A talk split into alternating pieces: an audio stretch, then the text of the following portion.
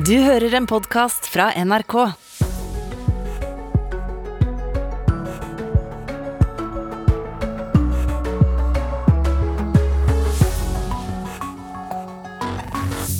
God morgen. Alle er velkommen. Det sa Fotballforbundet om VM i Qatar. Men flere av hotellene de anbefaler, nekter homofile å bestille rom.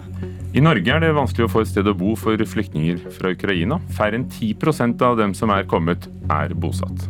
Og ukri Ukrainere fortviler over bombing av sivile mål.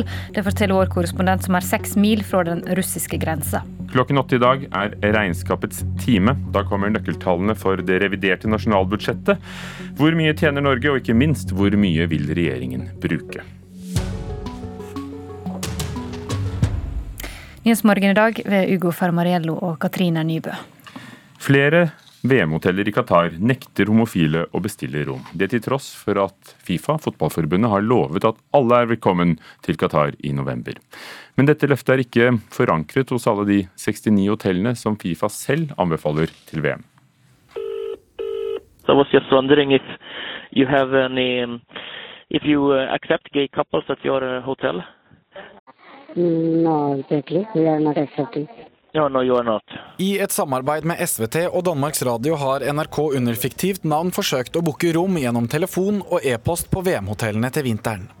Der har vi sagt at vi er et homofilt par som ønsker å reise til Qatar. Av sikkerhetshensyn har vi endret originallyden i samtalene. Det å holde hender er ikke tillatt, så det er veldig strengt her. Selv for par, forstår du. 33 av de 69 hotellene Fifa anbefaler gjennom VMs offisielle hjemmeside, hadde ingen innvendinger. 20 hoteller tillater innkvartering, men tar forbehold og kommer med klare anbefalinger om at man ikke skal vise at man er homofil. Tre av de offisielle VM-hotellene sa blankt nei til å innkvartere homofile da vi tok kontakt. Resten har ikke svart. Fotballpresident Lise Klavenes mener utfordringene er komplekse. Vi er nødt til eh, å presse på for at Fifa eh, bruker, sin, eh, sin, bruker den brekkstangen de har nå, og gjør det òg eksternt. Fifa svarer ikke direkte på NRKs undersøkelse, men skriver at Qatar er fullt ut bevisst på sitt ansvar for å overholde Fifas forventninger og krav til menneskerettigheter, likhet og antidiskriminering. VM-arrangøren sier at de tar NRKs funn på alvor og vil ettergå hotellene, men understreker at Qatar er et konservativt land. Fortalte reporter Joakim Ose. Reporter her i NRK, Halvor Ekeland, du er en av de som har jobba fram denne saka. Hvorfor er dette viktig å ta opp? Det er viktig å ta opp fordi eh, Fifa har lovet at homofile faktisk skal få lov til å komme til fotball-VM, og at de skal være trygge under mesterskapet. Eh, og Dette her har vært løfter som har kommet fra Fifa og, og, flere andre, men som ville vi da ettergå om eh, dette faktisk etterleves også i Qatar. Hva er det lova i Qatar sier om homofili? Den sier at det er uh, ulovlig med homofili, altså uh, sex mellom uh, to personer fra samme kjønn.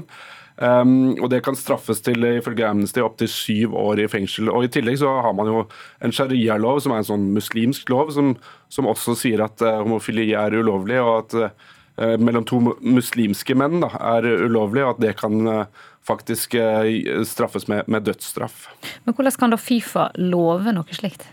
Ja, Det er et godt spørsmål, da, men det har vært debatten hele veien eh, etter at eh, Qatar fikk tildelt eh, fotball-VM. Så har det vært en debatt knytta til om ja, men er alle velkomne i dette landet. Og Derfor så har jo Fifa hatt et press på seg på å liksom garantere for sikkerheten for homofile. Og, og VM-komiteen også har lovet det samme, og til og med qatarske myndigheter har lovet at ja, men det er greit under mesterskapet at, at, du kommer selv om du er homofil. og det var en sikkerhetssjef som har sagt at eh, gjør hva dere vil på rommet og book et rom sammen, det er ikke noe problem. Dere må bare ikke vise det i offentligheten.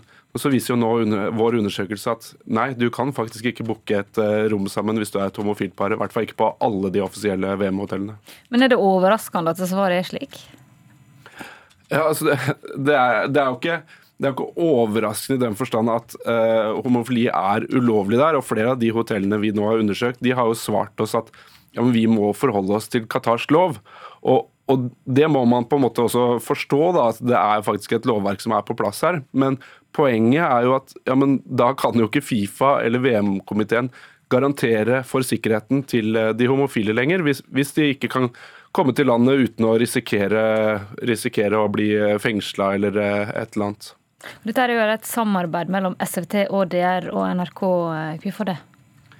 Fordi de også skal sende mesterskapet, sånn som vi gjør. Og vi har lyst til å Eh, prøve å, å, jobbe sammen for å, få, for å, få, best mulig journalistikk egentlig om, om, eh, om Qatar. Og så er det viktig for alle disse nordiske kringkasterne at, at, vi faktisk setter et kritisk søkelys på et VM som vi skal sende på våre plattformer, og, og, og prøver å vise publikum hva slags land er dette her egentlig.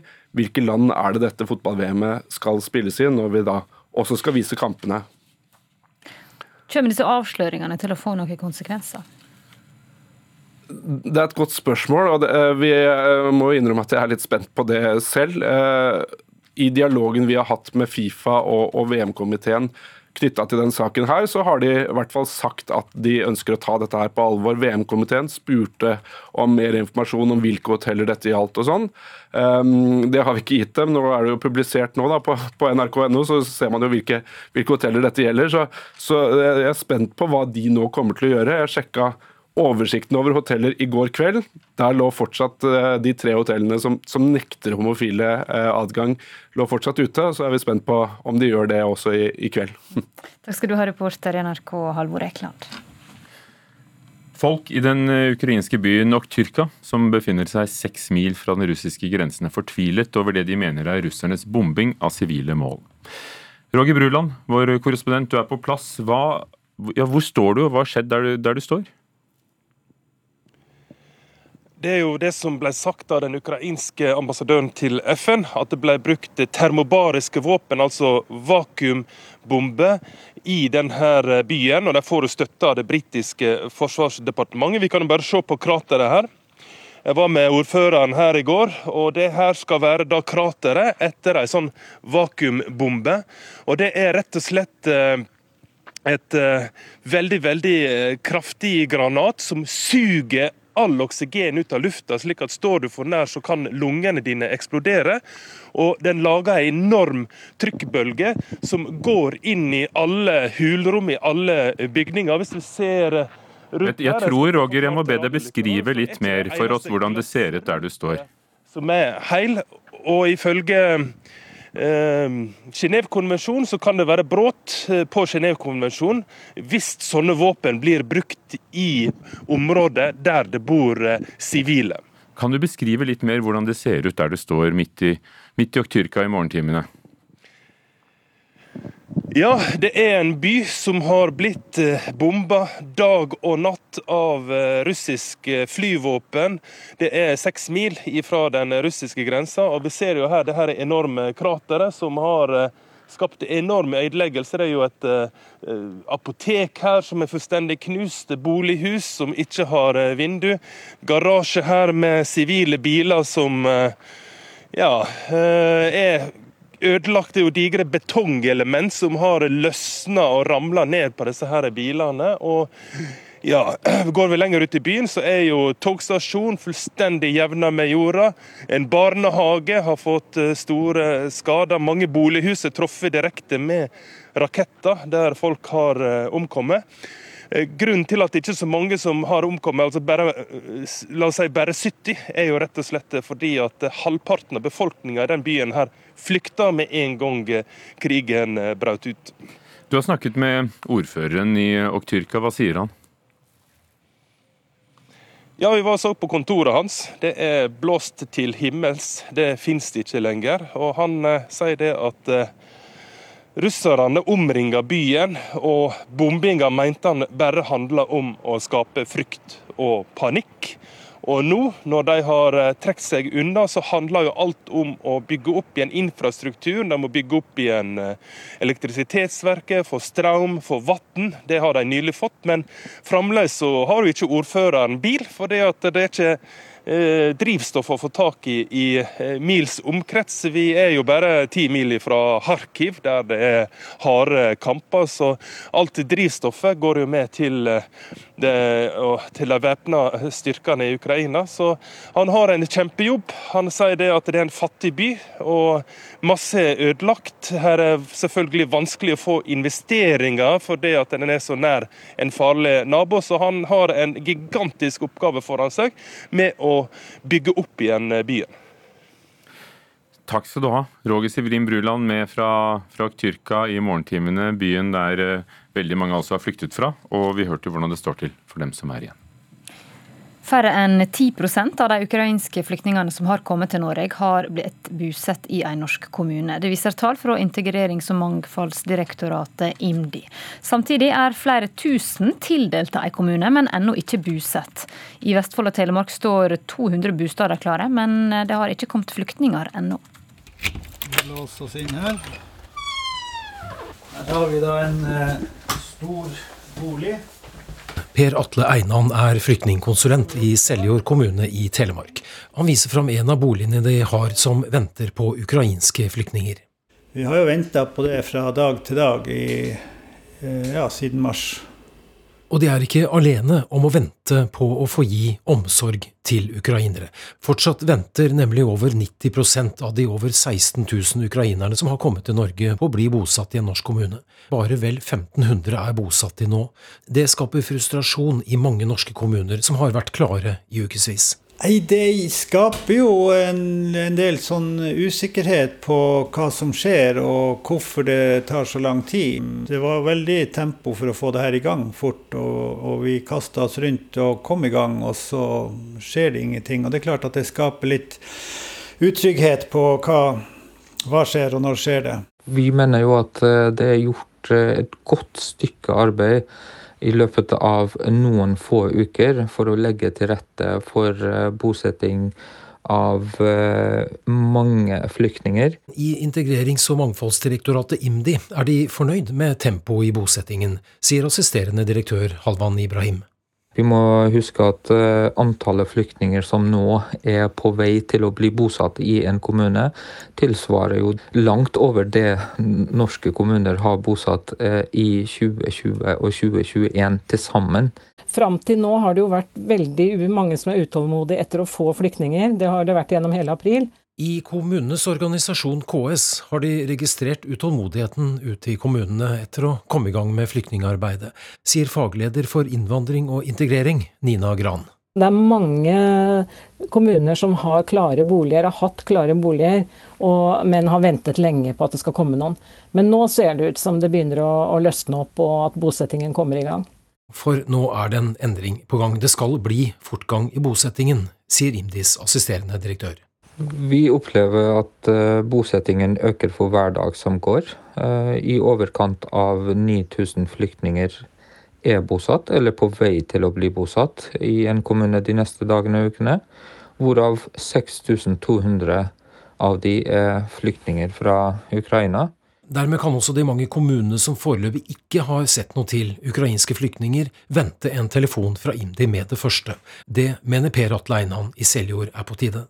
Det er ikke noe tvil om at folk har det mye bedre å komme ut i kommunene enn å sitte på asylmottak. Å sitte på asylmottak er ikke noen god eh, greie. Det er mye bedre å komme ut i kommunene. Reportere i denne saka var Lars Håkon Pedersen, Håkon Lie og Katrin Hellesnes. Mange unge legger på seg når de flytter hjemmefra og begynner å studere. Det er forskning, men den er fra andre land. Nå skal for første gang norske forskere, eller i hvert fall forskere i Norge, finne ut om det samme skjer i Norge for førsteårsstudentene. Nå eh, er det måling av kroppssammensetning å stå på denne maskinen her. Det er litt unaturlig, men eh, jeg skal nok holde ut de minuttene som er. Torunn Sørli er inne i sitt første studieår. Nå får 22-åringen sjekka om fett- og muskelmassen har endra seg fra hun starta å studere i fjor høst til nå. Man står jo for sitt eget kosthold da, eh, når man starter å studere. Ofte så flytter man jo for seg sjøl, og det er vel kanskje fort gjort å ty til litt lettere løsninger innen mat. Da. Nå leser maskinen kroppssammensetningen til eh, denne studenten. Studenten ikke skal se resultatene har vi limt litt papir over. I alt rundt 70 studenter er med på den unike forskninga i norsk sammenheng. Det som er unikt med vår studie, er at vi følger en gruppe og undersøker de to ganger i løpet av det samme studieåret for å se etter endringer. Sisella Orrestad Provan, professor på seksjon for folkehelse ved Høgskolen i Innlandet. Bakgrunnen er at eh, forskning fra andre land viser at studenter som idet de flytter hjemmefra i løpet av det første året på studiene, så legger man på seg gjerne opp til liksom tre-fire kilo, har de vist mest. Høyeste vektstigningen har man funnet i USA. I USA la førsteårsstudenter på seg gjennomsnitt sju kilo første året, ifølge studier. Nå vil forskere ved Høgskolen i Innlandet og Universitetet i Agder finne ut om det samme skjer med norske studenter. Altså, det å begynne på et studie er jo eh, i stor grad en livsstilsendring. Altså man flytter eh, hjemmefra eh, til et nytt sted, får sikkert nye venner osv. Så, videre. så det er mye som endrer seg. Så det er naturlig å tenke på at det også påvirker ting som kosthold og psykisk, fysisk helse, aktivitetsnivå og også kroppssammensetning. Så jeg tenker det er fint å få en oversikt om det faktisk er tilfellet. Så har man også da mulighet til å, å sette ut noen tiltak hvis vi ser at det skulle være behov for det. Sier høyskolelektor Sigbjørn Litleskaret ved Høgskolen i Innlandet. Eh, jeg tror det handler mye om at da velger du plutselig alle egne måltider. Du er jo kanskje vant til at eh, foreldre handler inn og lager middag til deg og sånn, og da vil jo kanskje måltidene være bedre sammensatt, muligens, enn når du velger alt selv. For da kan det være lettere, spesielt hvis man ikke har kunnskap, så kan det være lettere å ta mindre næringsrike valg. Mener Linnea Væge på 20 år, ernæringsstudenten, syns det er viktig å være med på forskningsstudiet. Eh, jeg syns det er veldig bra, at det er en veldig viktig ting, og jeg tror det er noe sannhet i den teorien de har da, om at studenter legger på seg. Så jeg syns det kan være bra at det kommer mer forskning ut om det, så kanskje det blir en mer, mer kunnskap da, som folk, så kanskje noe man også tenker over mer i hverdagen. Så ser du her, Sånn som sist, så blinker den eh, grønt nå. Studentene må også gå med aktivitetsmåler i ei uke, og svare på spørreskjema om kosthold og psykisk og fysisk helse. Forskningsprosjektet som starta i fjor, skal gjentas neste studieår. Derfor er det tidlig å si noe om foreløpige resultater. Vi har ikke sett på tallene ennå. Vi eh, venter og ser til vi har samarbeid. Hvordan har det gått? Første tre kvart år? Da. Jo, jeg syns egentlig det har gått veldig bra. Nå har vi jo ikke fått eh, Vi får ikke resultatene fra denne enda. Men eh, jeg vil tro at det har gått greit. Ja, vi satser på det. hvis vi finner ut at vekten øker, eller at uh, symptomer på depresjon øker, hvis vi finner at den fysiske aktiviteten faller, så er jo det noe som kan være utgangspunkt for en framtidig tiltak, ja. på godt norsk sa Sella Orrestad Provan, professor på seksjon for folkehelse ved Høgskolen i Innlandet, til vår reporter Stein S. Eide.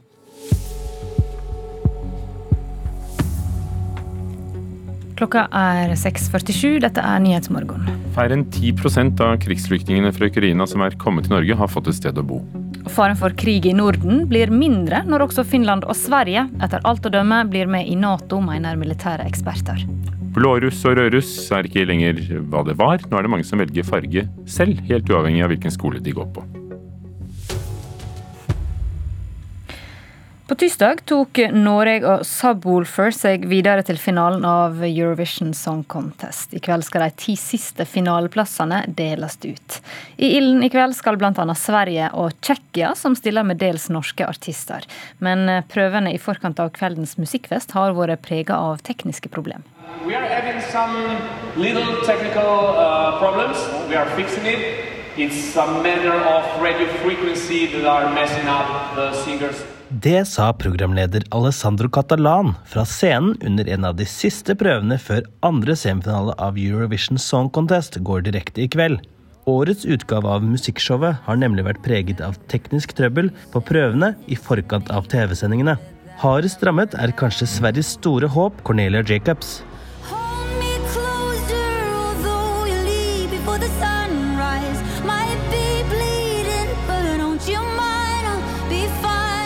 For selv på en av de siste prøvene før det hele skal avgjøres, opplevde hun problemer. Det er jo ganske bekymringsverdig, for å si det mildt. For det er jo eh, ikke første gang, det er jo to og tre ganger at dette her har skjedd eh, så langt. Så jeg tenker at eh, dette her er noe både Sverige og EBU er nødt til å se inn til, sånn at de passer på at det ikke skjer da, i, i semifinalen. Jeg tenker at Det er veldig kjedelig for Sverige at eh, de skal oppleve problemer hver gang. Og så håper jeg at de får fikset det til eh, livesendingen. Det sa Morten Westgård fra Eurovision Norway og Alexander Gjørøy i EC Norge.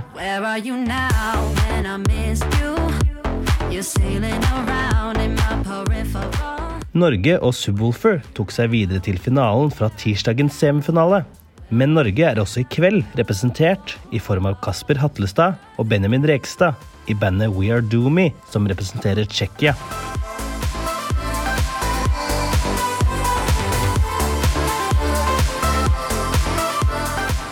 Westgård er trygg på at det vil gå veien for det tsjekkiske og det svenske bidraget i kveld. De tar seg definitivt i finalen. Eh, Begge ligger godt på oddsen og blir tatt godt imot av eh, publikum ved hver eh, gjennomgang, så jeg tror nok vi trygt kan si at de er i finalen, ja. Svenskene og de norske gutta fra We Are Doomy kjemper mot bl.a. Australia, Israel og Finland. Og nå har de jo sett på prøvene. Hva, hva syns du om semifinale to og de sangene som er med der? Jeg syns det er en fantastisk eh, semifinale. De har eh, mange gode låter, og så er det stor sjangerbredde. Så det går fra uptempo-låter til eh, store ballader med store stemmer. Så det er en semifinale for alle, og jeg er sikker på at det kommer til å bli nerver til siste sekund.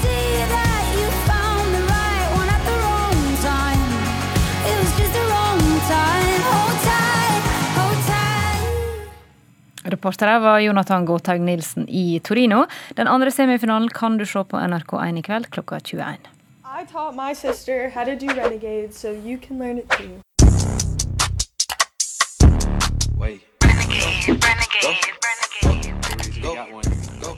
Denne litt kryptiske lyden er hentet fra TikTok, et sted for eh, mange for å se dansevideoer, eh, matlagning, eh, dyr.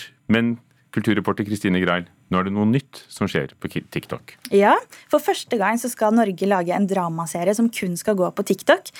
Det er det Nordic Screen som skal stå bak. Og hva skal den handle om? Du, Den skal handle om et urbant utelivsmiljø med karakterer som er tidlig i etableringsfasen av voksenlivet. Den skal hete For deg, og den røde tråden i denne serien skal da handle om spiseforstyrrelser hos unge menn. Så da er det jo tydelig at noen ser et, et kommersielt potensial her, men hvordan går det an å lage en dramaserie som vises på TikTok, som nettopp er i stedet for små, artige filmsnutter? Ja, det er, det er, akkurat det. Det blir veldig spennende å se. For det er som du sier at vanligvis er jo disse filmene på TikTok veldig korte. Eh, men kreativ leder i Nordic Screen, Stian Barsene Simonsen, sier at dette her er innholdsinnovasjon. Det er ingen som har gjort det før. Og da må de prøve å feile og gjøre grep som, gjør, som både publikum og algoritmene liker. Så det skal bli veldig spennende å se. Vi får se. Noe annet som skjer i serieverdenen, siden du har oppdatert deg? Ja, det er det. NRK gjør også noe nytt for aller første gang. Eh, for eh, ca. en time siden i dag så ble det lansert et nytt reality-konsept som aldri har gått på norsk TV før. Eh, det er en serie som heter Love in the Flesh, og den handler om fem par hvor alle har som mål å finne kjærligheten. Eh, de skal møtes for første gang, men de har allerede snakket sammen på internett. Så i serien så får vi se at de møtes eh, for første gang på ekte da, i luksuriøse omgivelser i Hellas. For det er jo ikke alltid sånn at den vi trodde vi ble kjent med på internett, kanskje er, de, er som vi trodde i virkeligheten. Eh, hvorfor tar NRK steget ut i denne, denne typen virkelighets-TV? Det er fordi at NRK skal ha et tilbud for alle, og ønsker å vise innhold som passer for alle målgrupper. Eh, og håpet er at det skal nå 20-29-åringen. Og hele serien er som sagt lagt ut, og det er åtte episoder som varer i ca. 45 minutter. Takk skal du ha. Kristine Greil. Det er ganske forvirrende. Rød og blåruss betyr ikke lenger eh, det det har gjort. For det var en veldig grei måte å dele inn folk på. Enten du ville skylde på blårussen for alt som hadde med for mye økonomisk styring å gjøre, f.eks., eller dele inn i lag. Som 11. mai 1957, da Rolf Kirkvaag inviterte til lørdagsunderholdning og konkurranse i Store Studio. Så skal vi presentere dere med det samme. Hvem skal jeg begynne med? Skal jeg begynne med blåruss eller rødruss? Hva foreslår Hva? Begynne med rødrussen, ja.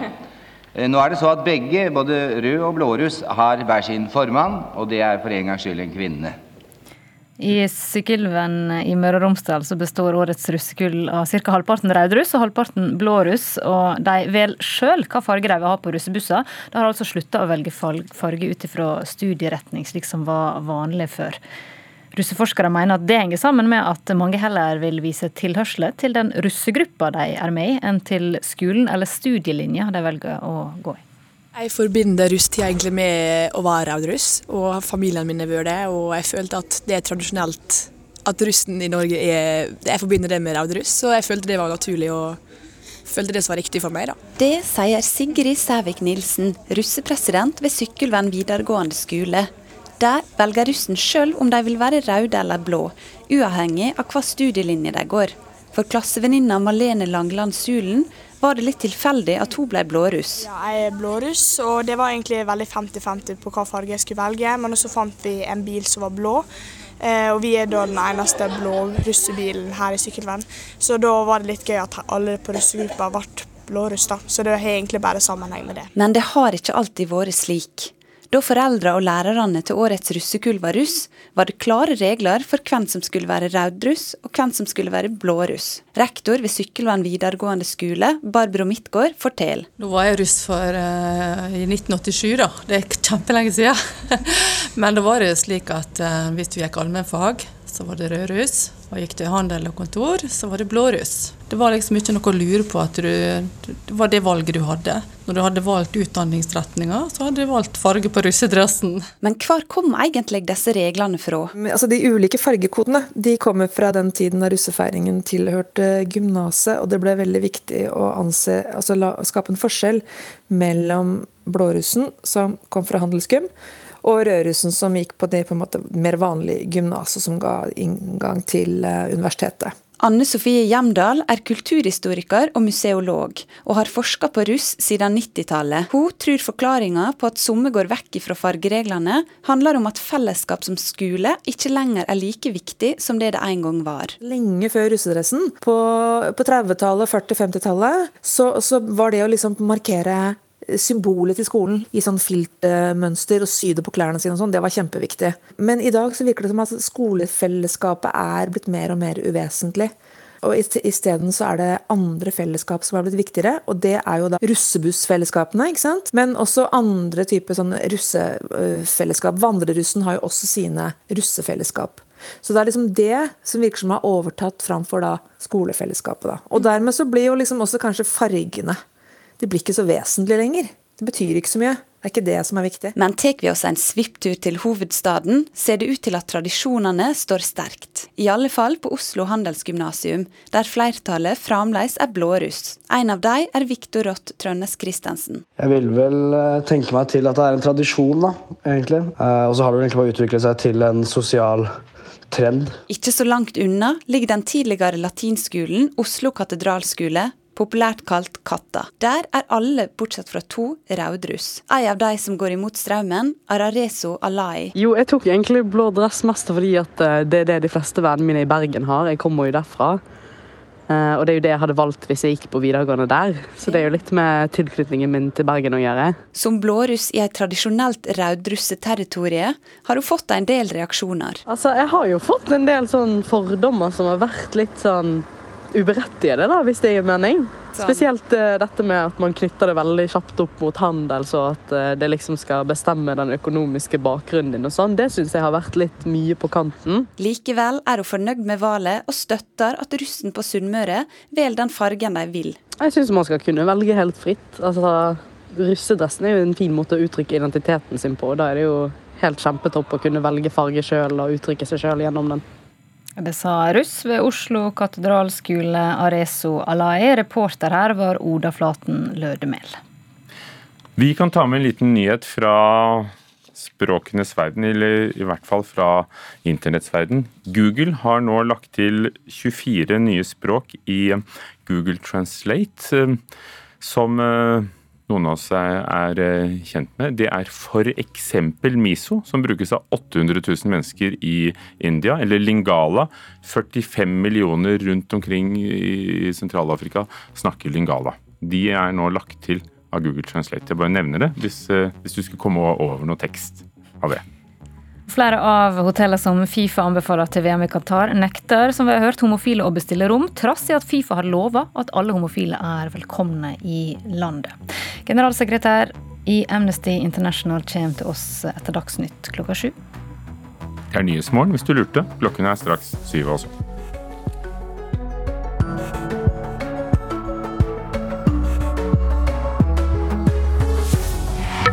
Du hører en podkast fra NRK. God morgen, her er NRK Dagsnytt klokka sju.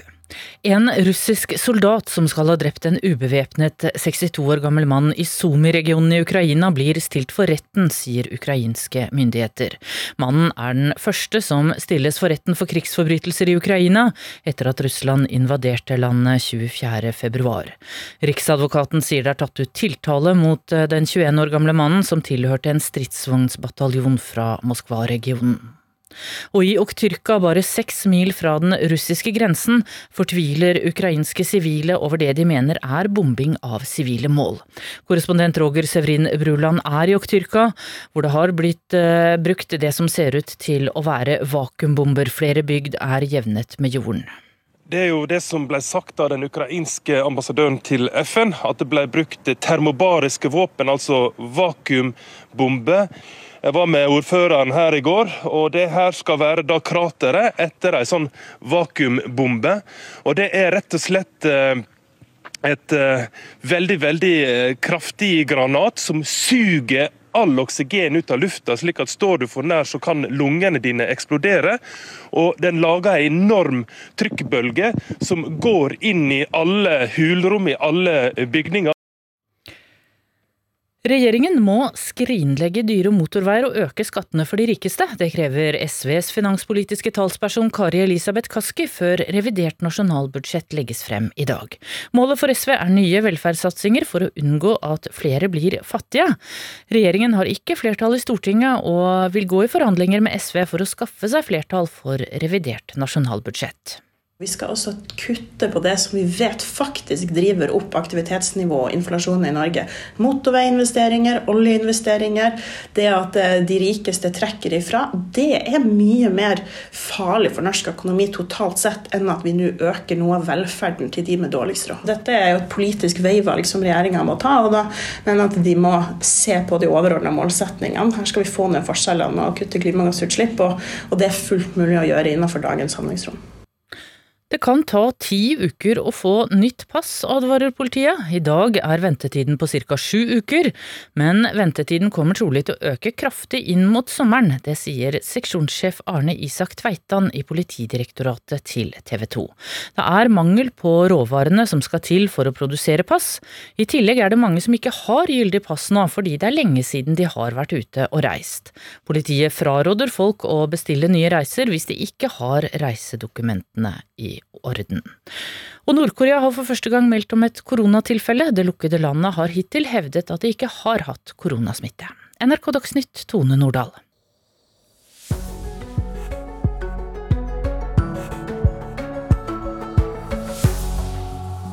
Og vi fortsetter her i Nyhetsmorgen med historien om at tidligere syriske soldater deltar i Russlands invasjon av Ukraina. En av dem sier til NRK at det er pengene som fikk ham til å verve seg, og etter de tallene vi har hentet inn, er det 20 000 som vil reise. Snart kommer Finland og Sverige til å bestemme seg for om de skal inn i Nato, og det kan se slik ut. Da blir faren for krig i Norden mindre, mener militære eksperter. Og regjeringen kutter ut to av de planlagte husene i det nye regjeringskvartalet. Det vil spare milliarder av kroner, ifølge finansministeren. Det er Katrine Nybø og Ugo Fermariello som er her i Nyhetsmorgen. Vi hørte det så vidt i Dagsnytt. Det er forventninger til revidert nasjonalbudsjett, og vi kan by på de første tallene om en time. Flere enn 20 000 syrere har altså meldt seg til å krige for Russland i deres invasjon av Ukraina. Det viser tall NRK har hentet inn. Minst 500 spesialsoldater har hittil reist til Ukraina. Trolig er tallet langt høyere. En 23 år gammel mann som vi kaller Wasim, meldte seg til tjeneste på et kontor i Homs.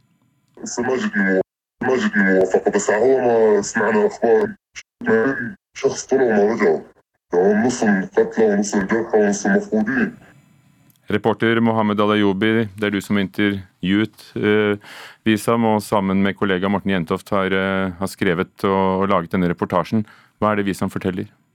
Det Visam forteller her, Først måtte gjøre om med lyden, for han ønsker å være anonym. Han forteller her at han venter fortsatt å bli godkjent av syriske myndigheter for å kunne reise til Ukraina.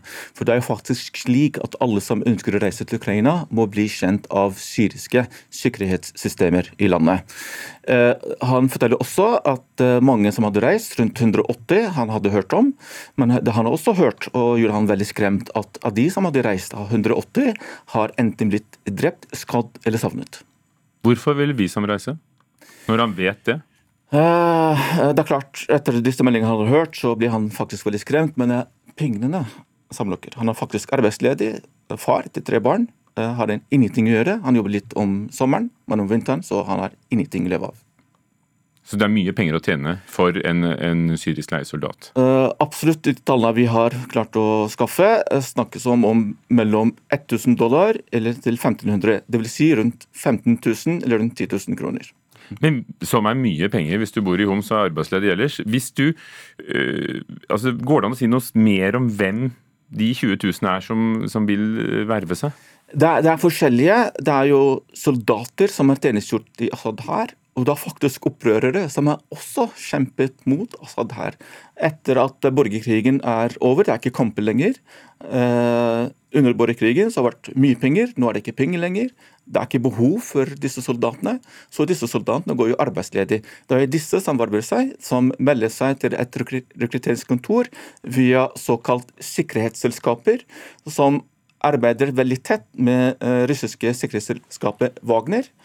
Det er de som rekrutterer og lukker disse unge menn til å reise til krig. Så det blir leiesoldater i, i private styrker, da, som, som dette Wagner, ikke, ikke, offisielle russiske styrker? De vil ikke bære offisiell russisk uniform? Nei, det blir faktisk eh, leiesoldater. Det vi har fått meldinger om, at disse leiesoldatene er godt utstyrt. Eh, og eh, som sagt, få penger. Men også det at mange av dem har blitt drept i kamper. Men er det også ideologiske motiver? Absolutt ikke. Det er stort sett pengene som lukker disse mennene til å dra. Hvordan har dere skaffet dere oversikt over disse tallene? altså 20 000 som vil reise, i hvert fall 500 som har reist? Absolutt. Også det som har skjedd, det har vært en lang prosess. Vi har hatt kontakt med journalister, aktivister og menneskerettighetsorganisasjoner. Vi har hatt kontakt med folk i Syria, Tyrkia, Frankrike, London Uh, ikke minst i Ukraina.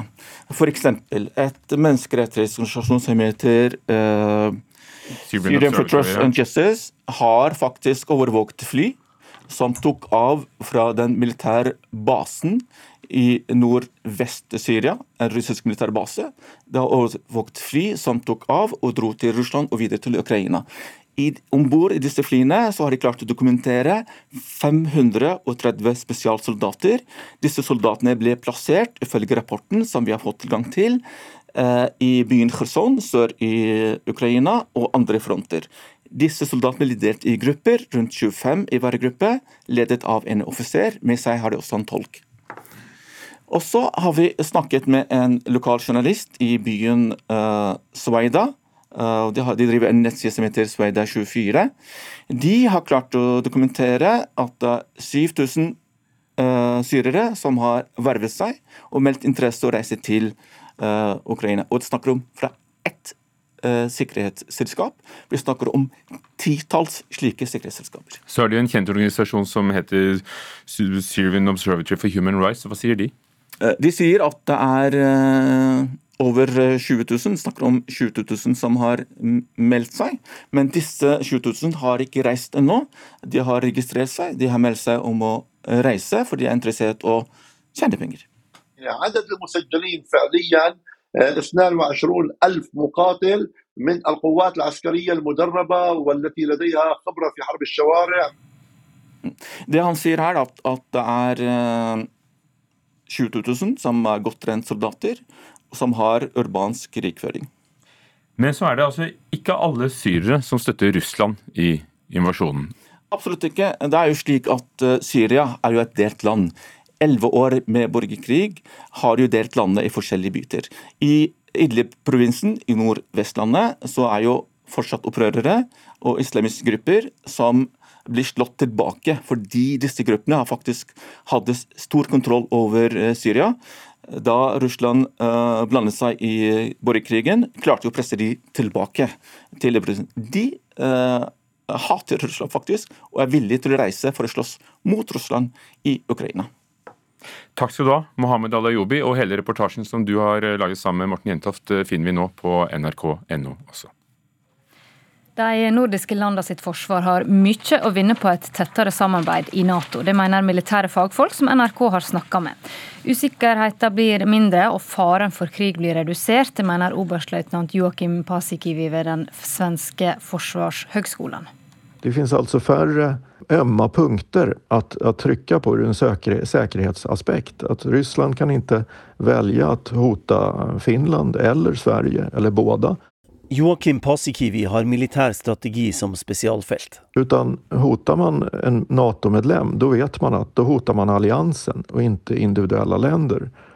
Och og det tror jeg gjør at, att tröskeln for en eh, konflikt høys. Det blir sikrere. Svenske Gripen jagerfly tar av fra flyplassen i Bodø.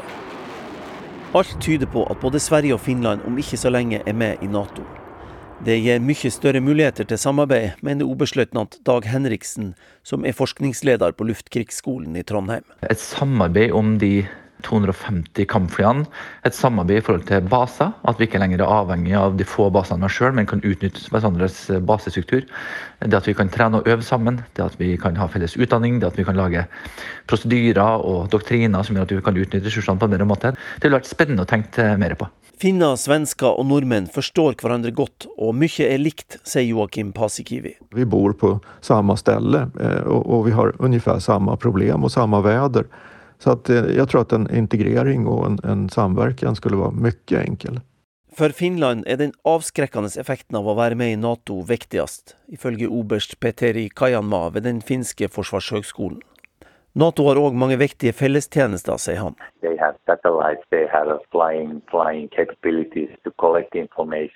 Nato-landene har satellitter og overvåkingsfly som vi som et lite land ikke kan ha på egen hånd, sier han.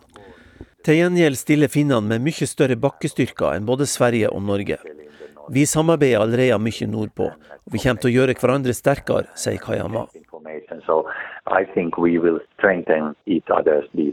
Spørsmålet er om Russland kan føle seg trua. Dag Henriksen tror ikke det.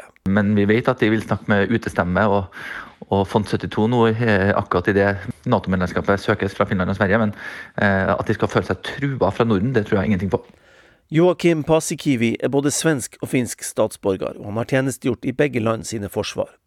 Han forklarer hvorfor Russland sin krig mot Ukraina har ført til at de fleste finner og svensker nå vil inn i Nato. Ukraina får et uhørt stort stød, men ikke med trupp.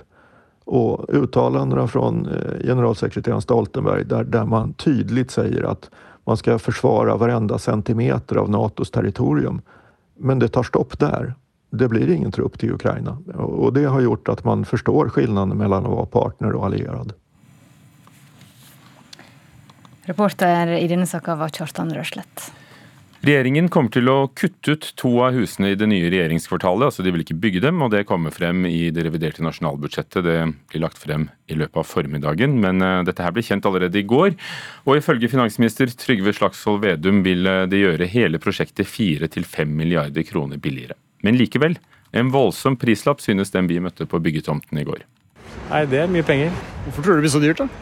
Nei, Det er vel sikkerhet og moderne og sånn, ja. Sikkert. Men jeg skjønner jo at du må ha et nytt regjeringskvartal. Da. Eller altså, når alt ble blåst til himmels, så må du ha noe nytt. Men 40 eh, milliarder er mye penger. Dag Arne Johansen og Leif Gunnar Hansen kikker nysgjerrig inn på byggetomta hvor det nye regjeringskvartalet for departementene er under oppføring. Og nå blir det litt mindre dyrt enn antatt, ifølge finansminister Trygve Slagsvold Vedum. For i revidert nasjonalbudsjett i dag varsla han At vi skal stoppe to av bygga som eh, var planlagt. At vi ikke ønsker å ha et så stort regjeringskvartal. At vi skal bruke mye mindre penger på å pusse opp eh, Finansdepartementet. Eh, og vi legger da opp til at vi kan spare 4-5 milliarder kroner. Det har tidligere vært anslått at regjeringskvartalet vil kunne koste opp mot 40 milliarder kroner. Hva er sluttsummen for hele regjeringskvartalet nå? Nei, altså Det er eh, en høy eh, sluttsum, og vi ser jo fortsatt med det som er satt i gang, at det er litt uoversiktlig eh, hva det som blir det endelige kostnadsbildet. Det første byggetrinnet, selve grunnarbeidet, er allerede godt i gang, mens regjeringa nå altså avblåser byggetrinn tre. Hva som skjer med byggetrinn to, er fortsatt ikke klart. Men redusert omfang og færre ansatte, det er stikkord for kommunalminister Sigbjørn Gjelsvik fremover. I dag så har jo departementet av de som er tenkt inn i regjeringskvartalet ca. 4100 ansatte. Og Vi mener at en ikke skal planlegge for en stor økning av antall ansatte, en bør legge seg på det nivået som er i, i dag. Ja, Høyre og den forrige regjeringa viste ikke nok respekt for skattebetalernes penger. Det virka som bare var å kjøre på. Og det er det som har vært jobben vår nå. Bremse, kutte, kutte to bygg. Men Høyres Nikolai Astrup er ikke imponert. Først og fremst er jeg glad for at eh, Senterpartiet nå har skrinlagt sitt opprinnelige forslag, som jo gikk ut på at man skulle sitte der eh, departementene i dag sitter. Eh, sikre og rehabilitere de eiendommene. Og det ville hatt en merkostnad på opp mot 30 milliarder kroner mer enn det som var den opprinnelige planen. Den tidligere kommunalministeren minner om at også han så på muligheten for å skalere ned trinn to og tre i regjeringskvartalet. Så er det jo et paradoks at Senterpartiet, som eh, jo ønsker å ansette flere mennesker i sentralforvaltningen og eh, erstatte, fast ansatte, eller erstatte innleide konsulenter med fast ansatte, nå mener det er mulig å ta ned antall ansatte i departementene med 600. Nei, det er vanvittig mye penger. Kunne man gjort noe annet med de pengene? Ja, Det kunne du helt sikkert. Jeg veit ikke hva, men eh, det er gudskjelov ikke jeg som bestemmer det. Det var reporter Kristian Skårdalsmo som hadde da bl.a. tatt turen ikke bare til finansministeren, men også til byggetomten for regjeringskvartalet i går. Det reviderte nasjonalbudsjettet blir også tema i Politisk kvarter i dag, der partileder Trygve Slagsvold Vedum møter finansminister Trygve Slagsvold Vedum. Og Der er du programleder, Lille Sølvsvik. Ja, og jeg tror kanskje det er helt tilfeldig at den lekkasjen som regjeringen går ut med, eller partileder eh, Trygve Slagsvold Vedum går ut med før revidert nasjonalbudsjett, handler om å kutte eh, byråkrater i Oslo. Dette passer jo veldig fint med at finansminister Vedum trenger å levere et stramt budsjett eh, senere i dag, når han legger fram det reviderte. Men ellers så står det jo ikke så veldig bra til med partilederen om dagen. Senterpartiet sliter voldsomt på meningsmålingene, og jeg har tenkt å spørre han en del om det. På den dagen som finansministeren altså må varsle at nå går vi strammere tider i møte. 7.45 Politisk kvarter, altså.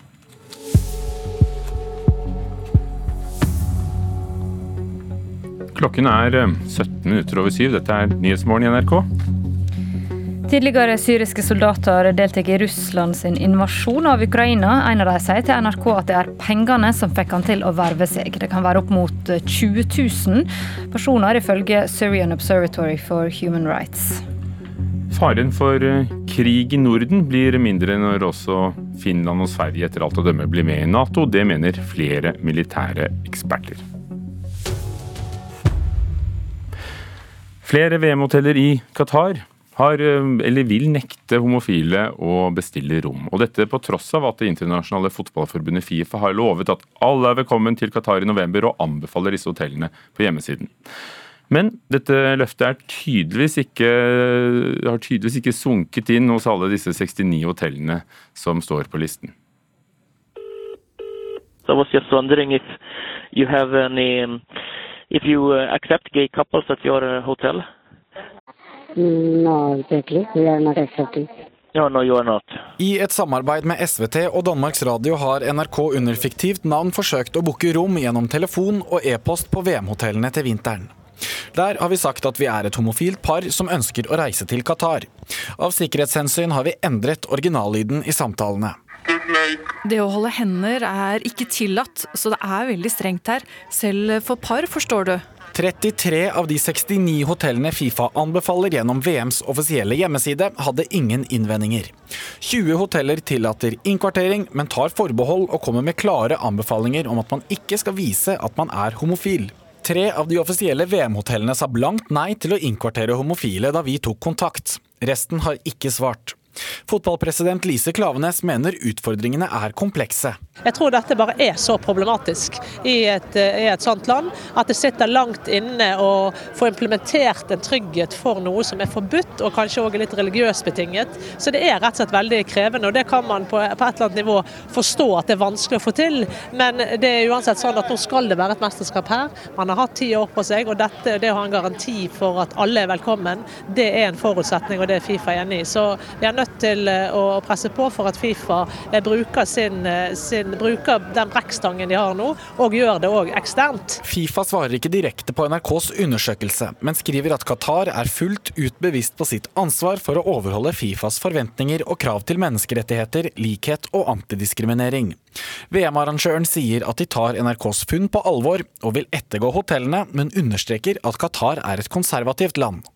Den profilerte homofile supporteren Gjert Mollestad ville ikke følt seg trygg i VM-landet. Det er ingenting Fifa sier som jeg hadde stolt på eller tatt for god fisk, altså. Ikke i det hele tatt.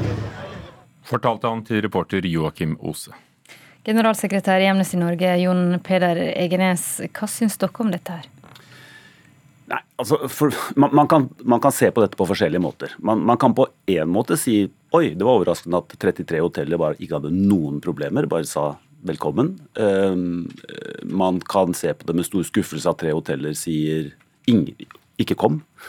Um, og man kan si vel, uh, det er jo bekymringsverdig at hoteller sier kom, men vær forsiktig. Men man kan også si at det er gode råd.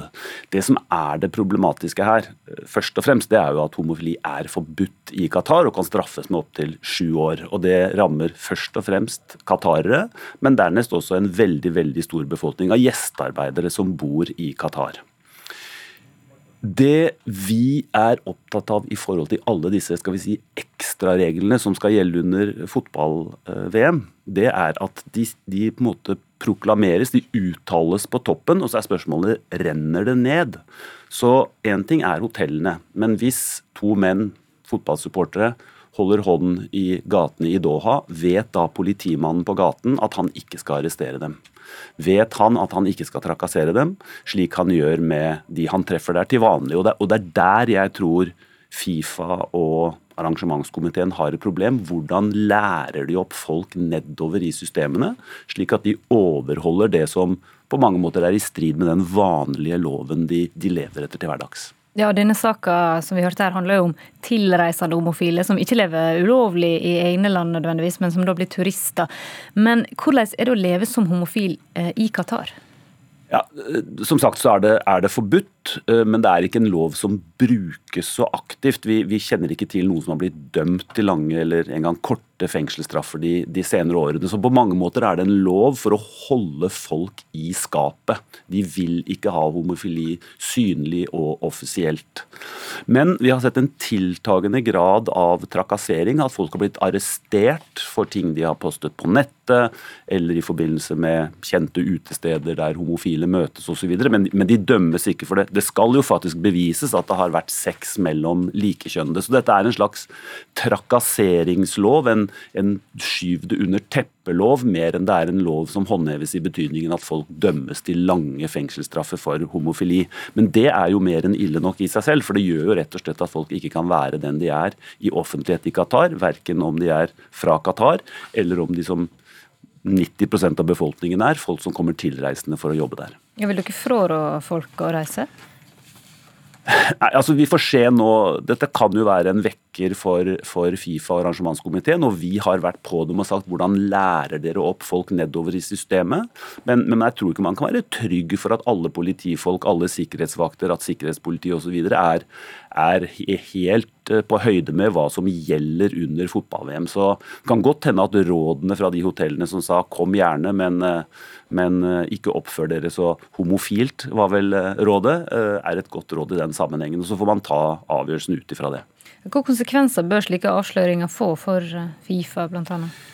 Ja, altså, Fifa har jo et langt lerret å bleke i forhold til VM i Qatar. Men som sagt, det vi mener er det største problemet her, som vi har etterlyst, er hva, hvor er handlingsplanen for hvordan dere skal sette disse ekstraordinære bestemmelsene ut i livet. Hvordan skal politimannen på gata vite at han ikke skal arrestere to menn eller to kvinner som går hånd i hånd?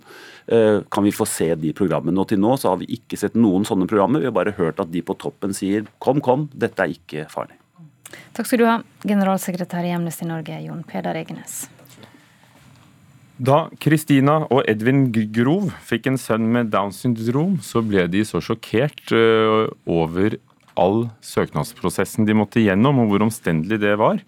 Blant annet må de få en legeerklæring på at sønnen fortsatt har Downs syndrom når de søker om økt støtte fra Nav, selv om han jo allerede er registrert i systemene.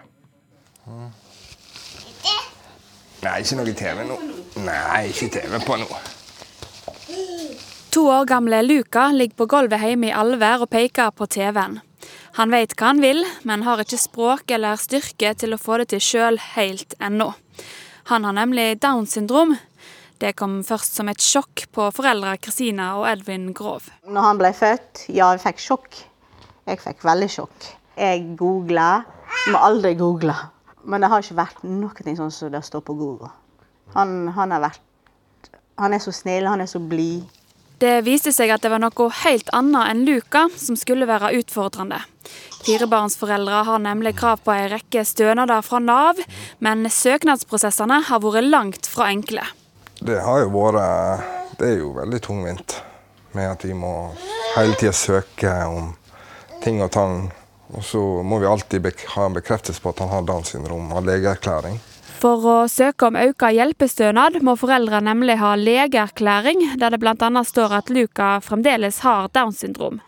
Det mente foreldre var helt bakvendt, og tok kontakt med lokalavisa Stril, som først skrev om Luca. Det er jo det frustrerende at eh, det finnes andre pasienter som eh, heller kunne fått den timen vår som Luca må ha for at vi skal inn der og hente en legeerklæring.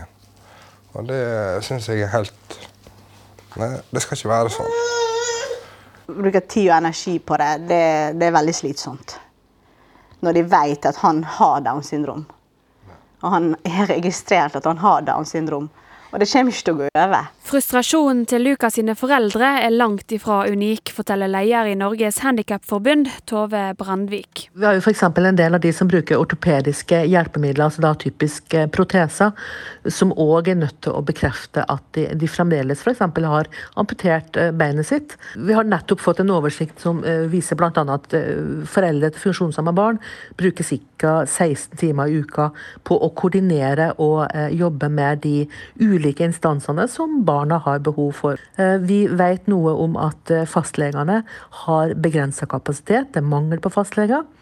Eh, vi vet noe om at Nav har begrensninger i forhold til saksbehandlingskapasitet i en del perioder.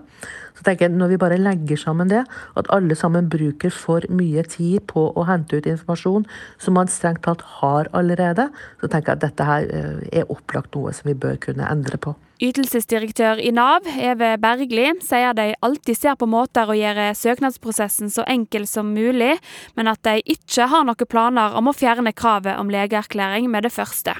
Ja, sånn som det er nå, så er det, det er praksisen vår at vi innhenter opplysninger fra legen, eh, og at det er det som eh, vi legger avgjørende vekt på. For det er legen som da ser på det samlede behovet, både om det har vært endringer i helsesituasjonen, men også om det har vært, eh, eller kommet nye behov for, eh, for hjelp. I Alver håper foreldre til Luka at Nav likevel revurderer systemet sitt, sånn at de kan bruke mer tid på han og mindre tid på papirarbeid. Jeg håper at den dagen han, eh, han blir 18 år, vi, og han har rett på ungdom før, for, da, for alle som har Downs syndrom, de har rett på det så håper jeg at vi slipper å søke om det.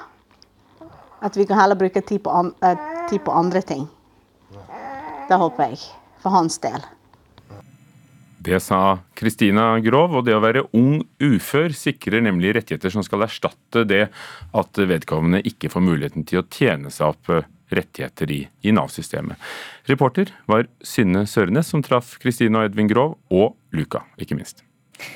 Et hus og ei garasje brenner på Salsnes i Namsos i Trøndelag. En person er ute av huset, det forteller 110-operatør Morten Vågan.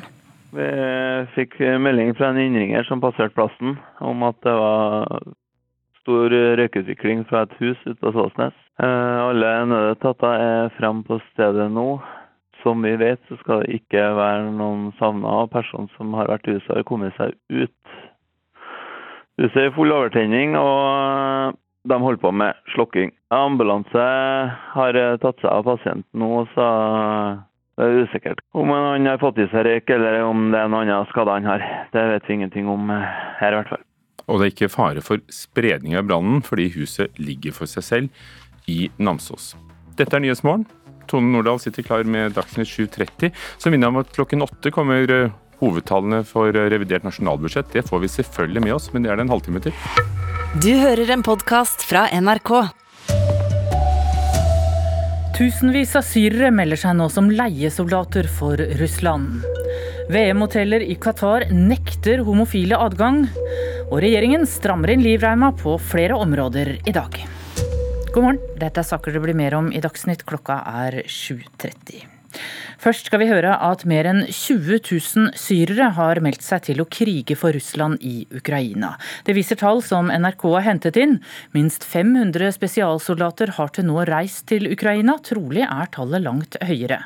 23 år gamle Visam fra Syria meldte seg som leiesoldat på et russisk vervekontor i byen Homs.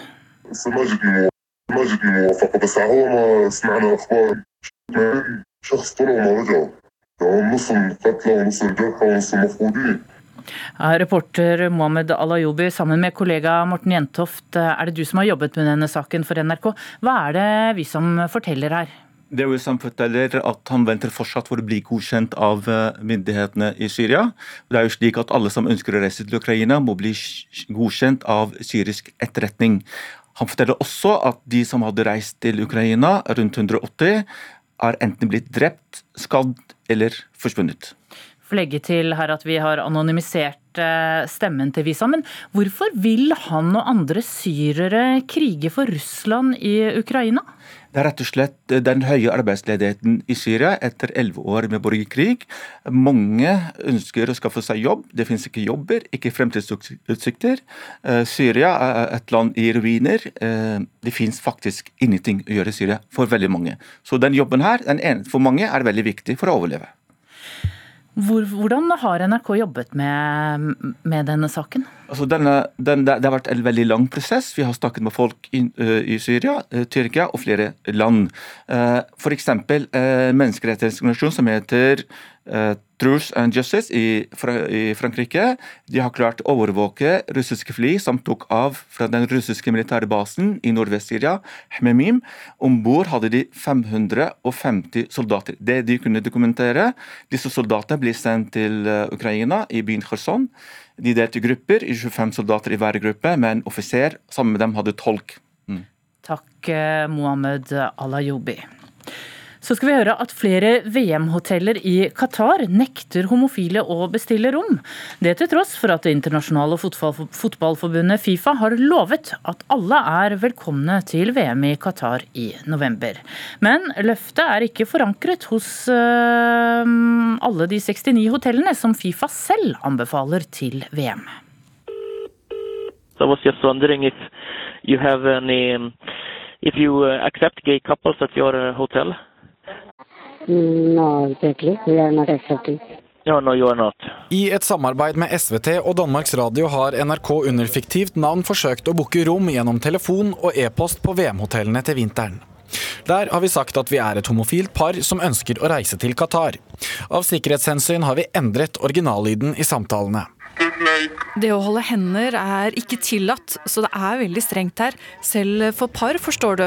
33 av de 69 hotellene Fifa anbefaler gjennom VMs offisielle hjemmeside, hadde ingen innvendinger. 20 hoteller tillater innkvartering, men tar forbehold og kommer med klare anbefalinger om at man ikke skal vise at man er homofil. Tre av de offisielle VM-hotellene sa blankt nei til å innkvartere homofile da vi tok kontakt. Resten har ikke svart.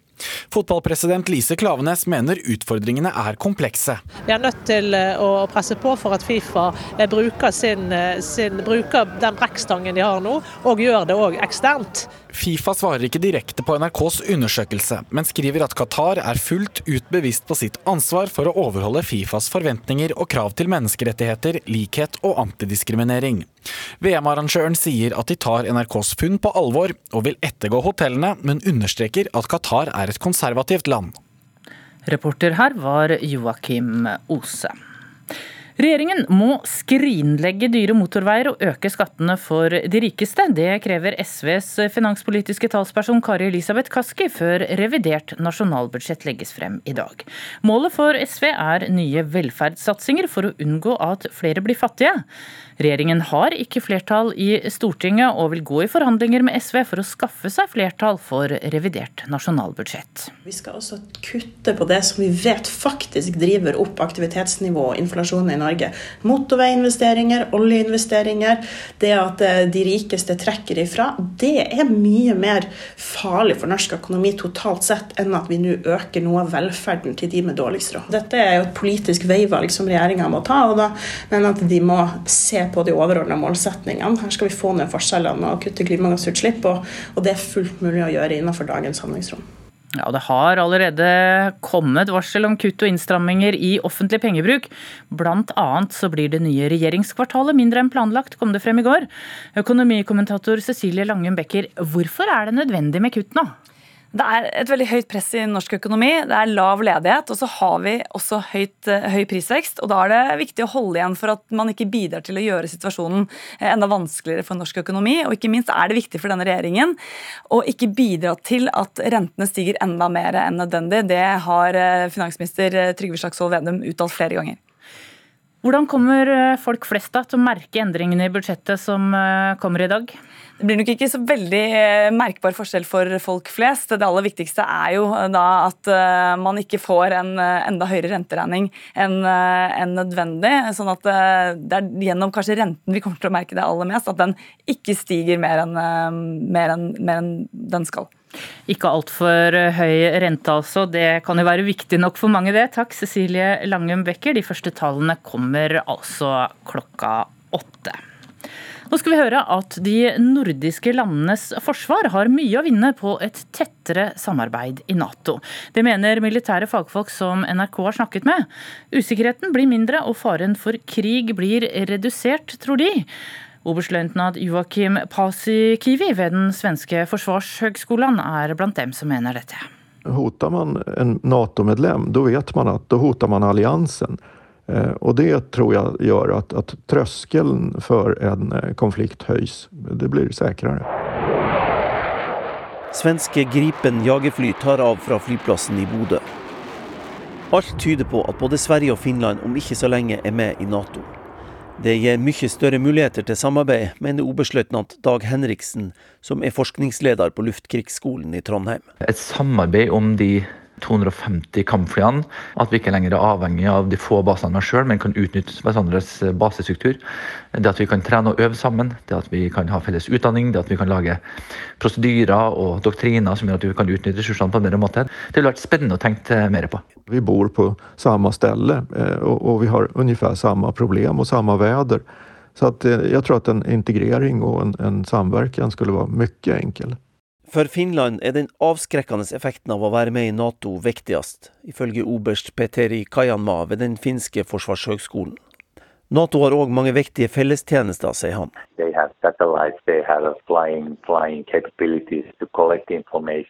Nato-landene har satellitter og overvåkingsfly som vi som et lite land ikke kan ha på egen hånd, sier han.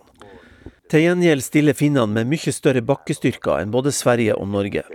Vi samarbeider allerede mye nordpå, og vi kommer til å gjøre hverandre sterkere, sier Kayama. Reporter her var Kjartan Røslett. Under 10% av de ukrainske flyktningene som har kommet til Norge, har blitt bosatt i en norsk kommune, viser tall fra Integrerings- og mangfoldsdirektoratet. Samtidig er flere tusen tildelt en kommune, men ennå ikke fått komme dit. I Vestfold og Telemark står 200 boliger klare, men ennå har det ikke kommet noen, sier flyktningkonsulent Per Atle Einan i Seljord kommune. Og gjengs over så er det frustrasjon og usikkerhet på hvorfor det tar så lang tid. Hvorfor kommer det ikke folk? Vi har vært klar, masse ledige boliger. Bare i Vestfold og Telemark har vi registrert blant medlemskommunene ca. 200 ledige boliger som er meldt inn til IMDi.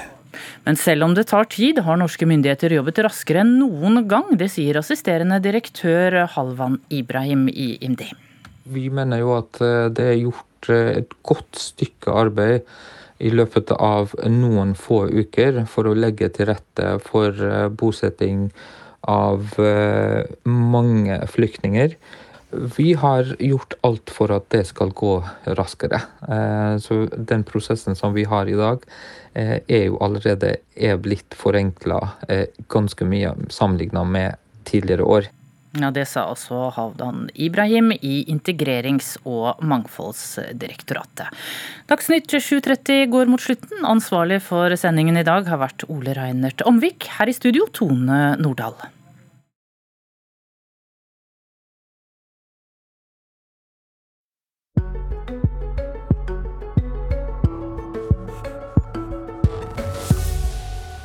Og Tone var jo innom det med revidert nasjonalbudsjett. Absolutt, og det er ikke siste gang vi er innom det denne morgenen, Hugo. Nøkkeltallene kommer klokken åtte. Dem har vi i Nyhetsmorgen. Og så kommer Og i Dagsnytt. Og i Dagsnytt. Unnskyld. I Dagsnytt. Allerede klokken åtte kommer de første. Og så kommer Trygve Slagsvold Vedum, partileder. Så møter finansminister Vedum i debatt i Politisk kvarter om noen få minutter. Men først til Sandnes i Rogaland, kommunen med flest bostedsløse i forhold til innbyggertallet i Norge. For hver tusende innbygger i Sandnes står omtrent to uten et fast sted å bo. Det viser en eh, nasjonal rapport, og til sammen mangler 140 fast adresse, 15 av dem er barn. Ja, vi må hjelpe hverandre. Ikke sant, ja. Ikke sant? Det gjør de ikke i Stavanger. Nei, det kan jeg love, for der er det Geggi og Bettina Wold er ofte innom benken, en fast møteplass for rusmiljøet i Sandnes. Det siste halvannet året har ikke Bettina Wold hatt en egen heim. Nå har det vært i ett og et halvt år. Heldigvis så har jeg veldig mange som tar vare på meg. Jeg har veldig mange venner. I 2020 var det registrert 140 bostadsløse i Sandnes. Og det gjør Sandnes til den kommunen med flest bostadsløse i forhold til innbyggertallet. Det viser en rapport fra Oslo OsloMet. Et godt sted å bo. Det betyr all verdens. Øyvind Justnes Andersen er leder i organisasjonen Bypressen i Sandnes. Andersen hjelper de som sliter med rus, og vandrer rundt i byen for å snakke med de som er i rusmiljøet. Det, det går litt sånn i bølger, dette her. at uh, Sandnes kommune sleit jo en periode, og så gjorde de masse gode grep. De fikk jo en pris for arbeidet de hadde gjort med, med kommunale boliger. Og så har det økt på igjen. Tilnærmet halvparten av de som står uten bostad i Norge i dag, oppgir å være rusavhengige. Ja, altså, hvis dette bunner i større sosiale forskjeller, så er det alvorlig. Da blir det så store forskjeller innad i samfunnet at samfunnet på en måte sprekker opp litt. Satsingen er fortsatt høy og stor i Sandnes. Det er politisk og administrativt veldig stort fokus på dette. Eh, og det er mange eh, boliger som er under oppføring i år. Både til, til rusavhengige og, og, til andre som er vanskeligstilte på boligmarkedet. Det sier kommunaldirektør for helse og velferd i Sandnes kommune, Elin Selvik Våg. Rapporten fra Oslo OsloMet viser at for hver tusende innbygger i Sandnes er det 1,8 bostadsløse. Men hva er det med Sandnes? Forsker Evelyn Dyb, som leier kartlegginga til Oslo OsloMet, nevner flere grunner. I forhold til størrelsen på byen så er det lite blokkbebyggelse og rimeligere leiligheter. Det leies ut veldig mye kjellerleiligheter. Og det er privatpersoner som leier ut, og de kan velge og vrake nærmest. Slik at bostedsløse, enten det er personer med rusproblemer eller det er en, en ung mor, så blir de nederst på i køen blant eh, utleierne. Det er de som blir tatt inn sist. Hun mener Sandnes kommune gjør en grundig jobb med å kartlegge de bostedsløse, noe som kan være en forklaring på de høye tallene. Sandnes har faktisk gjort en del og er på sett og vis en foregangskommune. De har klart å prioritere, har klart å prioritere boligbygging til bostedsløse og eh, andre vanskeligstilte. I mellomtida tar Bettina en dag om gangen. I natt så har jeg vært eh, skal vi se om jeg tenker, der har jeg vært eh, på hender hos en kompis. Vet du hvor du skal være i jula? Eh, ja, jeg skal hjem til han igjen, regner jeg med. Eh, det Jeg får se hva som skjer, hva dagen bringer. Og reporter i Sandnes var Kristina Kassab Liland.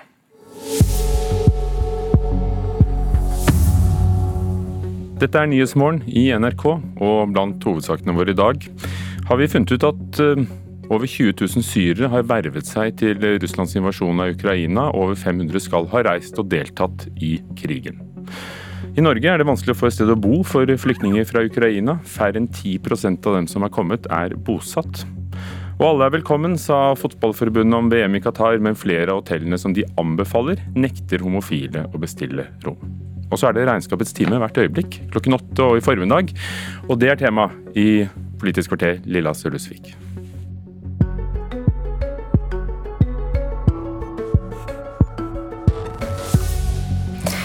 Økonomer er enige. Det verste finansminister Vedum kan gjøre nå, er å kjøpe seg ut av problemene. Kommentatorer er like enige. Det verste partileder Vedum kan gjøre nå, er å skuffe velgerne sine enda mer. Hjertelig velkommen, eh, partileder og finansminister Trygve Slagsvold Vedum. Tusen takk for det. Det er en merkedag for deg og for regjeringen i dag. Stor dag da revidert nasjonalbudsjett skal legges fram. Det betyr at du har eh, pussa på det statsbudsjettet som dere overtok i, eh, i fjor høst. Og lagt til noe og tatt bort en del. Og da lurer jeg på, er det finansministeren eller partilederen som er mest fornøyd på en sånn dag? Ja, det er, det er jo en og samme person. Og jeg er fornøyd med det opplegget vi legger fram i dag. Og klart noe av det som er det aller viktigste, det er at vi har en trygg økonomisk styring som gjør at det er trygt for folk. Og så har vi gjort noen klare prioriteringer denne våren. Altså forsvar, politi, matberedskap. Og så er vi, det budsjettet vi legger fram i dag, er det mange inndekninger som gjør at også det skaper mer trygghet eh, for folk i hverdagen deres. Så er det en veldig god dag for hvis du kan ta partilederen. Da. For i dag så i statsråd så går også at vi skal dele opp Viken, Troms og Finnmark. Vi kutter i, i regjeringskvartalet, det er gratis ferjer. Det er mange tiltak for å utvikle hele landet og også få ned forskjeller mellom folk. Så dette er en god dag. Og så er det viktig at vi nå, når vi ser alle de uroen rundt oss i økonomien, at vi også gleder oss over at dette året her er det året som det kommer til å gå flest nordmenn på jobb noensinne. Så Det er noe jeg synes koser meg mest med tallene som kommer i dag. Da, at jeg kan måtte si høyt at vi kommer til å sette et ny rekord i antall nordmenn som går på arbeid. og Det er det, kanskje det aller viktigste for tryggheten din og min, at vi har en jobb å gå til. Og, og vi kommer til å sette rekorder på rekorder i år på at stadig flere nordmenn går på jobb. og Det er kjempeviktig. Og det har du tenkt å ta æren for? Det er, det er, den enkelte som går på jobb som skal ha æren for det. Men vi må legge til rette for at det er mulig. Og det er de arbeidsgiverne som ansetter folk, som også skal ha æren for at de ansetter folk. Men så er det jo regjeringa sin jobb og Stortinget sin jobb å legge rammene som gjør at det er mulig for folk å komme seg arbeid, og at bedrifter tør å ansette. Og Der setter vi rekordtall. og Det er okay. kanskje det viktigste vi gjør for at folk skal få trygghet rundt sitt liv, at man har en jobb å gå til. Jeg vet ikke om du la merke til på veien opp hit med, med, da du kjørte bensin- og dieselprisen. Den er på et så høyt nivå at Senterpartiet kan ikke stå og se på at prisene er så høye over tid, står det på hjemmesidene deres. Dette rammer jo vanlige folk og bedrifter i hele landet. og Derfor så vurderer dere fortløpende, lover hjemmesida igjen, å ta ulike grep for å få ned drivstoffprisene. Kommer det i dag? Nå kommer hele budsjettopplegget senere i dag. Og Det som er det aller viktigste for økonomien til folk, det er liksom renta, hvordan den blir satt.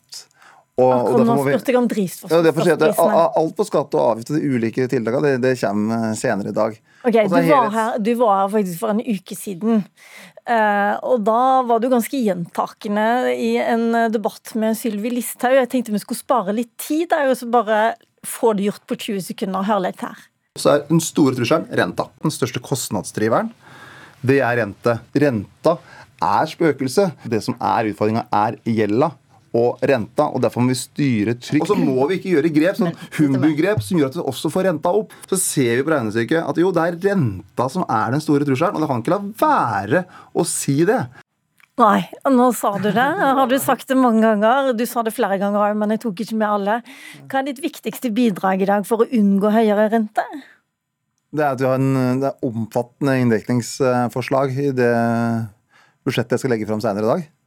Mange ulike inndekninger, både på, som, som, skjer her og nå, men også på lang sikt, eh, som viser at vi er villige til f.eks. å ta ned store statlige byggeprosjekt, sånn som regjeringskvartalet. Det gikk effekt her og nå, men at vi sier at nå må vi ha en annen holdning enn det forrige regjering hadde. Vi må holde mer igjen. Kutter to store bygg. Finansdepartementet jeg sjøl sitter i, der skal vi Eh, spare mye på den eh, oppussingsprosjektet som der er lagt inn. Så vi kan spare 4-5 milliarder kroner. Det, men det er mer langsiktig, og, og så er det mange inndekningsforslag som kommer til å bli synliggjort eh, når vi legger fram budsjettmaterialet litt senere i dag, som viser at det er omfattende. Som gjør at man ikke legger ytterligere press eh, på en økonomi som går veldig bra, med stor offentlig pengebruk. For da kan renta gå opp mer enn det som er varsla hvis vi gjør feil grep. og Det er jo Norges Bank som setter renta, men det må ikke vi som styrer finanspolitikken for Stortinget og, og regjeringa gjøre grep som gjør at det blir enda vanskeligere for uh, Norges Bank å ikke øke renta ytterligere. Og, I dagens materiale så er det omfattende inndekninger som gjør at vi ikke legger mer press uh, på rentebanen. Da er det andre faktorer som slår inn. Er det byråkrater i Oslo og kulturarbeidere i Oslo f.eks. på Vikingmuseet som skal få merke at Senterpartiet sitter i styringa? Dette er, altså, Hvis du tar, tar gjeld og rentebiten, så er nok Oslo en av de byene i Norge der folk har mest gjeld, og der boligkostnadene er høyest. så det er ikke noe For en familie i Oslo er det ikke noe mindre skummelt om renta går opp enn en familie i Stange, der jeg bor. Eh, og snittgjelda for en norsk familie, en vanlig familie, er rundt 3,4 millioner kroner. Så klart det har enormt mye å si. Og da er det selvfølgelig å holde igjen. Alltid når vi har omfattende inndekninger sånn som vi har i dag, så er det noen som tenker at det, ja, det skulle dere ikke gjort, dere skulle ha kjørt mer på akkurat på min sektor eller min arbeidsplass eller akkurat min satsing.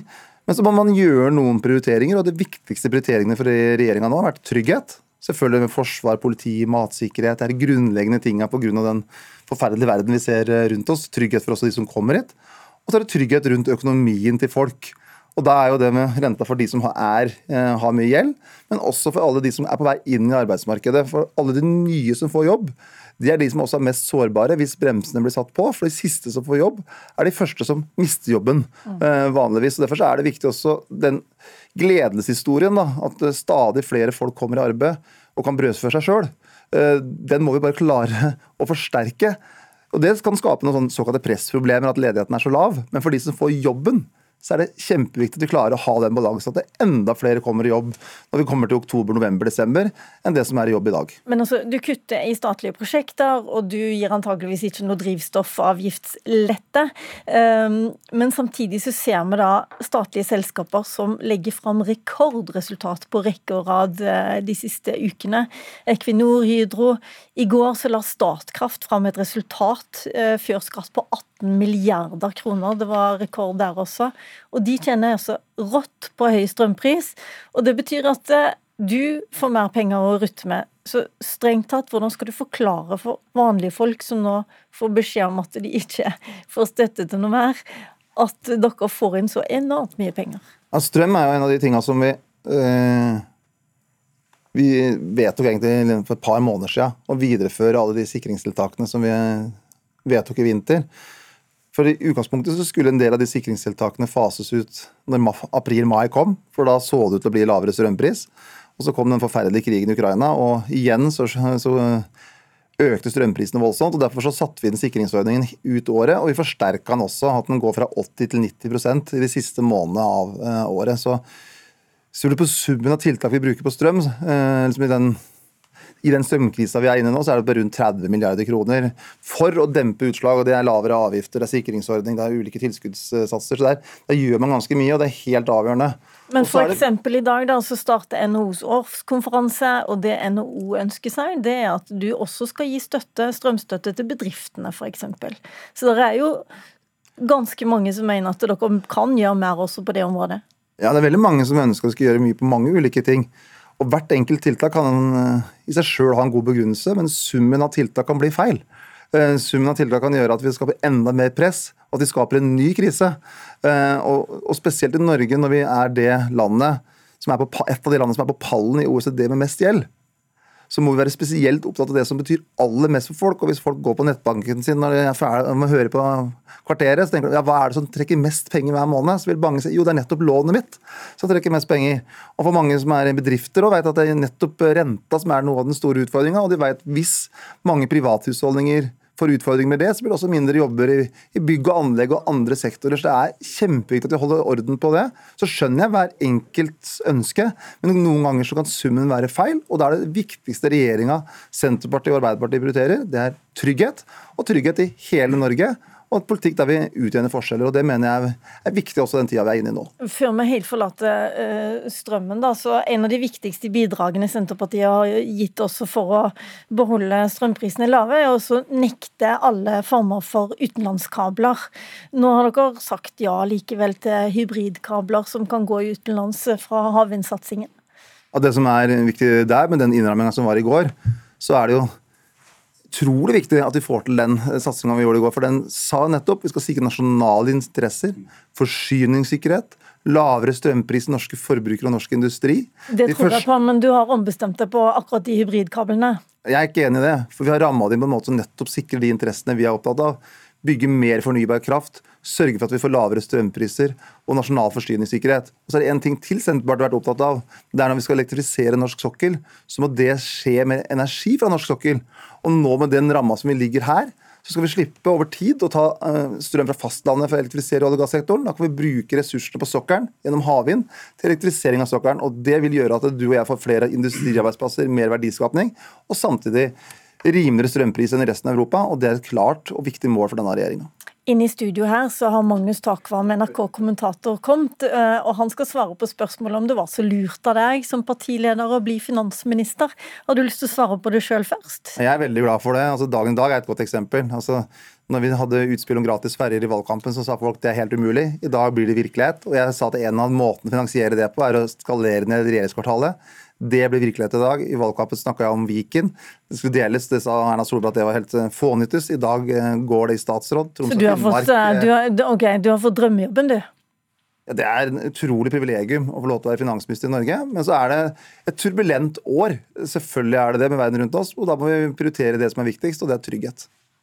Du får ha lykke til med fremleggelsen av revidert i dag, i hvert fall. Takk Trygve Slagsvold Vedum, og velkommen Magnus Takvam. Var det lurt av eh, Trygve Slagsvold Vedum å bli, eh, eh, bli, finansminister som partileder i Senterpartiet? Nå blir han sittende for å høre deg her. Ja, Det er nok en del som har pekt på at kontrasten mellom Trygve Slagsvold Vedum som opposisjonsleder og mm, med en veldig ja, om, man kaller det populistisk retorikk til maktbastionen Finansdepartementet, var et for stort sprang. Men det er klart det er alltid et dilemma for en juniorpartner i en koalisjonsregjering og om man skal ta eh, finansministerjobben eh, eller ikke. Eh, man må gjøre det fordi det departementet har så stor makt. Det er inne i alle saker, alle langsiktige prosjekter en regjering jobber med. Og, man kan ikke unnlate å, å gå inn i i finansministerstolen. Heller ikke for en koalisjonspartner som er mindre enn det største regjeringspartiet. Men det kan gå da på bekostning av profilering av partiet. Både Kristin Halvorsen som SV-leder og Siv Jensen som Frp-leder gikk inn som finansministre, og de gikk tilbake på meningsmålingene, men ingen så veldig markant som Senterpartiet. Nå ligger de under 8 og under SV også på snittet i målingene. Nei, Det er riktig. Så det, det du nevnte med de to eh, som også var juniorpartnere, er jo nok et eksempel på, at, på dette dilemmaet. Og i Senterpartiets eh, eh, situasjon så er det jo partilederen, og, og det var det jo også i de to foregående eksemplene, som gikk inn i denne posten. Og det var nok eh, eh, mange i Senterpartiet som heller ville hatt f.eks. en Sigbjørn Gjelsvik, som var finanspolitiker i, i Stortinget, som finansminister, og, og Vedum i Kommunaldepartementet, der det, man så for seg at han kunne få mer handlingsrom eh, som Senterpartileder. Men det var da eh, statsminister eh, Støre som ville ha partileder i en så viktig posisjon som finansministerjobben. Men nå er han der og må gjøre, gjøre den jobben så, så godt som mulig mulig, men alle ser de eh, dilemmaene som vi har pekt på. Ja, Var det lurt av eh, Støre å gjøre, å gjøre dette her, da? For det går jo ikke så himla bra med Arbeiderpartiet heller. Nei, Det er klart, det, det, er sikkert mange meninger om det også i hodet til Støre, men eh, det valget er gjort. Så nå må de på en måte jobbe ut fra den posisjonen. Jeg tror, jeg tror det Senterpartiet, Alle er jo opptatt av Senterpartiets fall i oppslutning.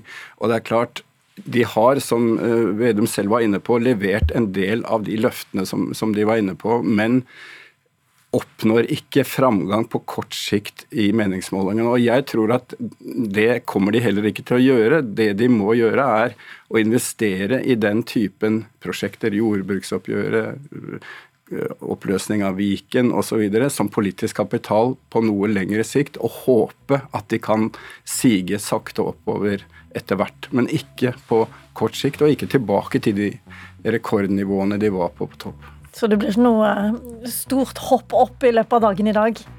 Nei, det tror jeg ikke. Men uh, det blir i hvert fall en stor dag for Trygve Slagsvold Vedum, det er helt klart. Og han kommer i fokus. Tusen takk for at dere kom, både Magnus Takvam og Trygve Slagsvold Vedum. Mitt navn er Lilla Sølhusvik. En podkast fra NRK. Her faller sakte, dråpe for dråpe, en dyrebar væske. Tungt vann. Under andre verdenskrig blir produksjonen av norsk tungtvann brått veldig viktig. Det er noe Nazi-Tyskland trenger for å kunne utvikle atomvåpen. Ich brauche 5000 kilo!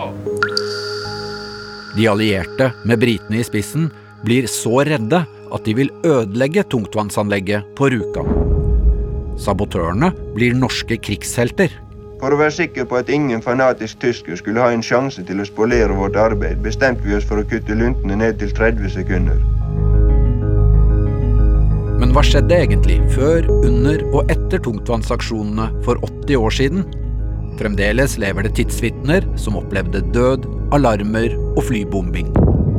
Og så smalt det noe kolossalt, da.